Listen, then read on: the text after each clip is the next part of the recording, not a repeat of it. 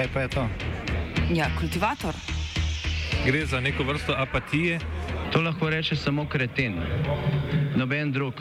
Socialni invalid in ga je ne mogoče urejati. Drugi kandidat. Pa, eh, pa pije, kadi, masturbira, vse kako hoče lahko počne. Nihče tega ne ve. Vsak petek skultiviramo dogodek tedna. Lahko po kriterijih radio študent, težko pa po evropskih kriterijih. Ampak na drug način, kot vi to mislite. Kultivator vedno užge. da pač nekdo sploh omenja probleme, ki so in da pravzaprav sploh nekdo sproži dogajanje uh, v družbi. To drži, drži.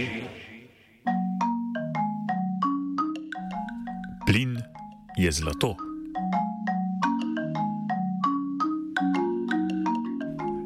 Cene električne energije v Evropi dosegajo rekordne višine. Dvignile so se na več kot 100 evrov za megavatno uro, kar je približno štirikrat več kot na začetku leta. Cene so začele rasti v začetku aprila, ko je začela zaloga zemeljskega plina v Evropi usihati in se spustila pod petletno povprečje pred epidemijo. Dvig cen komentira Folk Vin Uven z inštituta Jacques Delors. So right now um, we're in a situation where mostly most of Asian countries are starting to uh, ask for more uh, gas, for instance, and it's driving uh, the prices. Um, also in South in Latin America, we're starting to have a kind of a recovery, so we're also having uh, more demand, and this is um, having consequences on the gas price. And then uh, the consequences of the gas price are being translated uh, on the overall electricity prices, especially in Europe, for instance. Um, even though in Europe, uh, roughly like a fifth of our electricity is being produced thanks to gas, uh, you need to understand that right now we are uh, buying gas in order to uh, be able to heat our home in winter. So um, all of those um, being put together, we have a, a high uh, price uh, on the gas market that is uh, leading a surge in the electricity market prices, which is kind of worrying actually.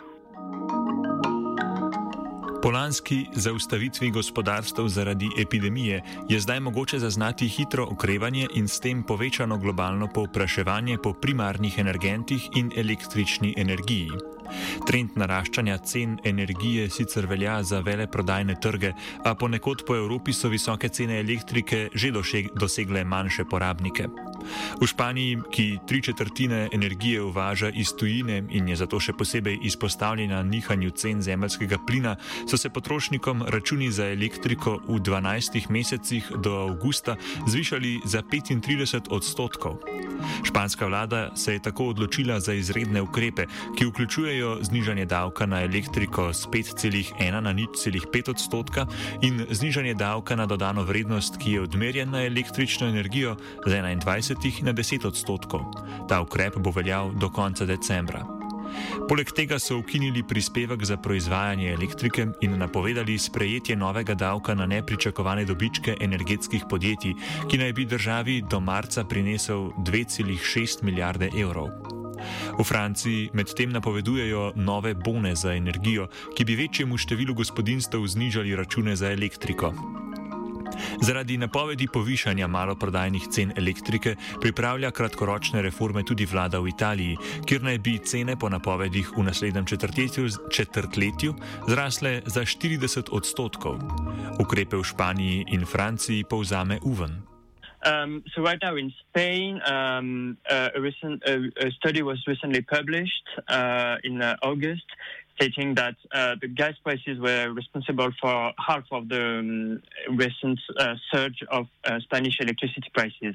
And the uh, CO2 prices that I mentioned earlier were roughly responsible for a fifth. So Spain, uh, through its government, decided to take a few measures to prevent customers being hit too much by uh, those price, those high prices. The first one being reducing the VAT on electricity up until December. Uh, so we're going to go from uh, roughly 21% to 10%, which is a good thing because it uh, somehow uh, lower uh, the bill.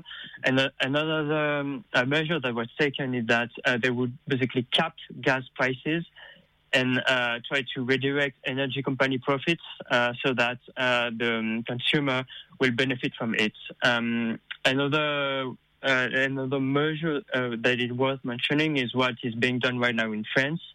Uh, because France um, announced two days ago that they're going to give basically um, through an energy voucher, uh, 100 euro to uh, low income households. So low income households in France already benefit from that voucher, roughly on average at uh, 150 euros.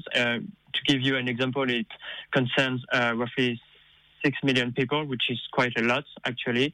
And they're going to have uh, 100 euro more uh, by December, which is, uh, in my opinion, a great measure to try to prevent um, energy um, energy poverty in that country.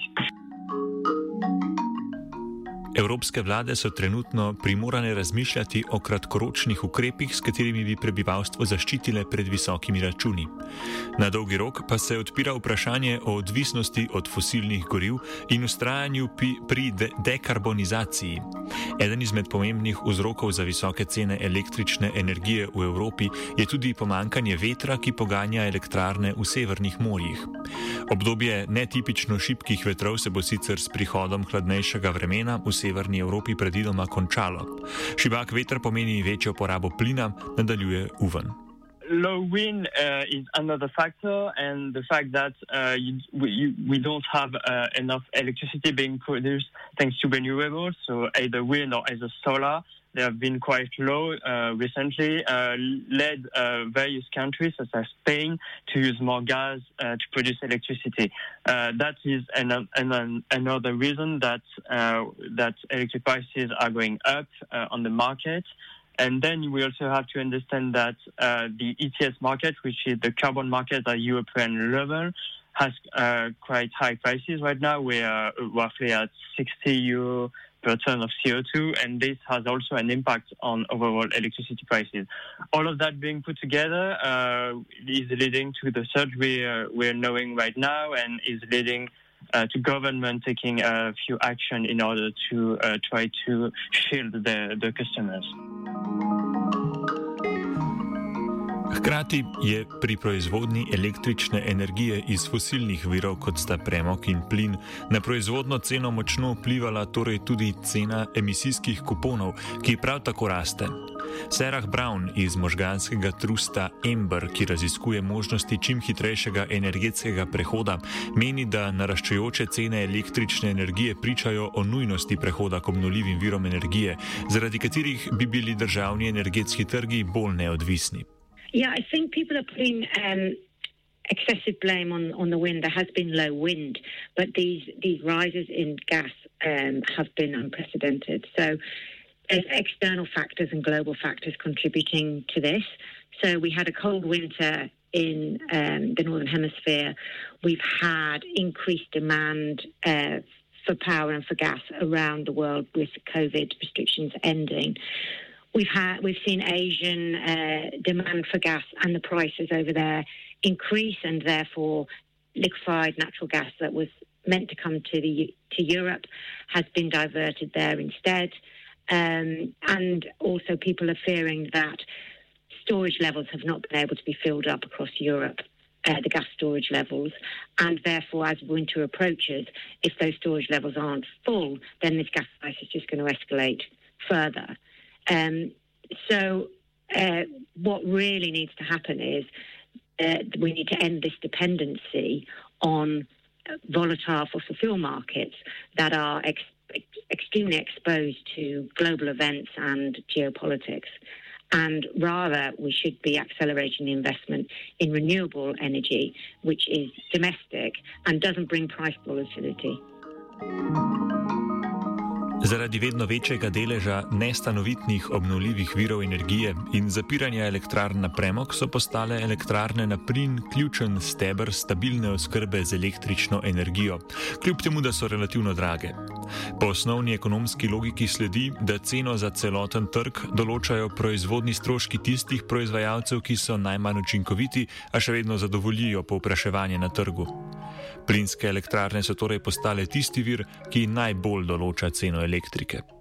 Um, so gas right now accounts for uh, fifth um, regarding the surge of electricity prices, and basically gas is being used as renewables um, are being intermittent and cannot produce uh, whenever you want. You can only have uh, electricity thanks to a solar panel when it's uh, when there's solar obvious when there's sun obviously and uh, in the uh, and not in the evening. And it's good the same for uh, wind turbine. When there's no wind you you need to rely uh, on either uh, gas and nuclear or coal plants.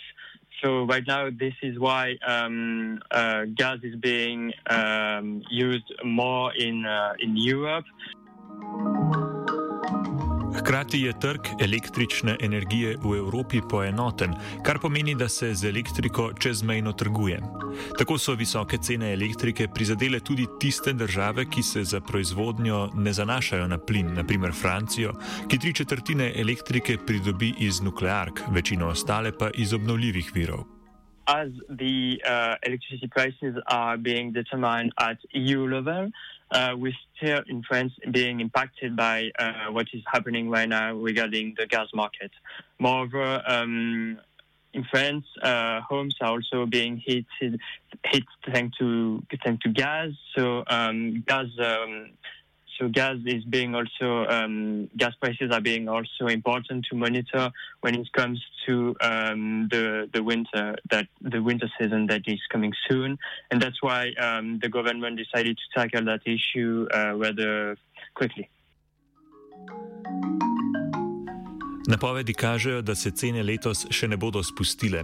Visoke cene in črne napovedi pa domnevno ustrezajo družbi Nord Stream 2, ki je v lasti ruskega Gazproma in je nedavno končala gradno plinovoda Severni tok 2. Družba za zdaj čaka na odobritev nemškega regulatorja, da bo lahko plinovod, ki teče pod Baltskim morjem do nemške obale in se tako izogne Ukrajini, začel delovati. Gazprom redno dobavlja vso količino plina, kateri se je zavezal v dolgoročnih pogodbah, predvsej manj pa dobavlja za neposredno prodajo. Zaradi težav pri dobivanju Pri pridobivanju vseh dovoljenj za uporabo Severnega toka 2 so zato razširjene domneve, da poskuša Rusija z relativno majhnimi dobavami pritiskati na nemške oblasti, da bi čim prej dovolile zagon novega plinovoda.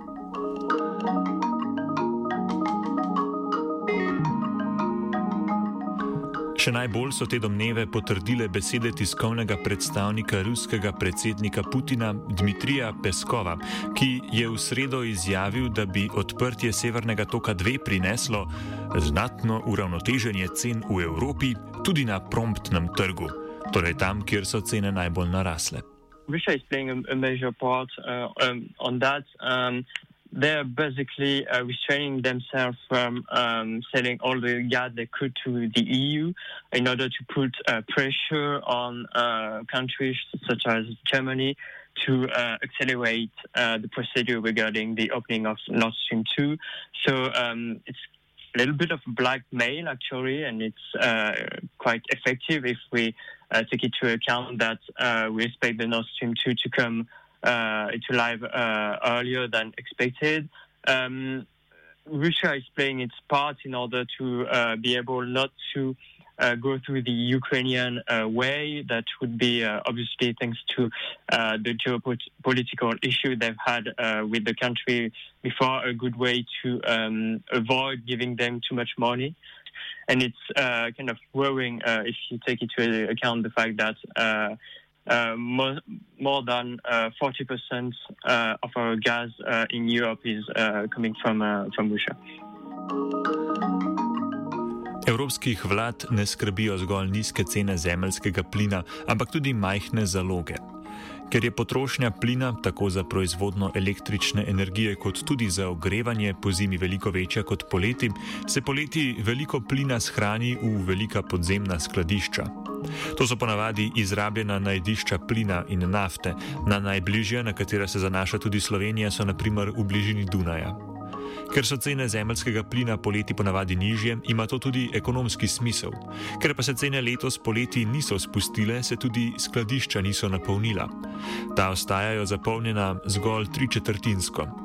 Če bi bila letošnja zima mrzla in dolga, je zato mogoče pričakovati še bistveno podražitev plina. Kultivirala sta Aida in Gal.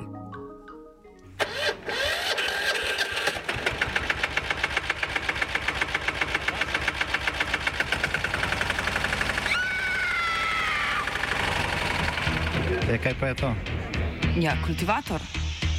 Gre za neko vrsto apatije. To lahko reče samo kreten, noben drug. Socialni invalid in ga je ne mogoče urejati. Drugi kandidat.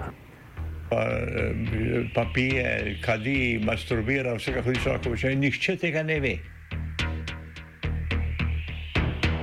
Vsak petek skultiviramo dogodek tedna.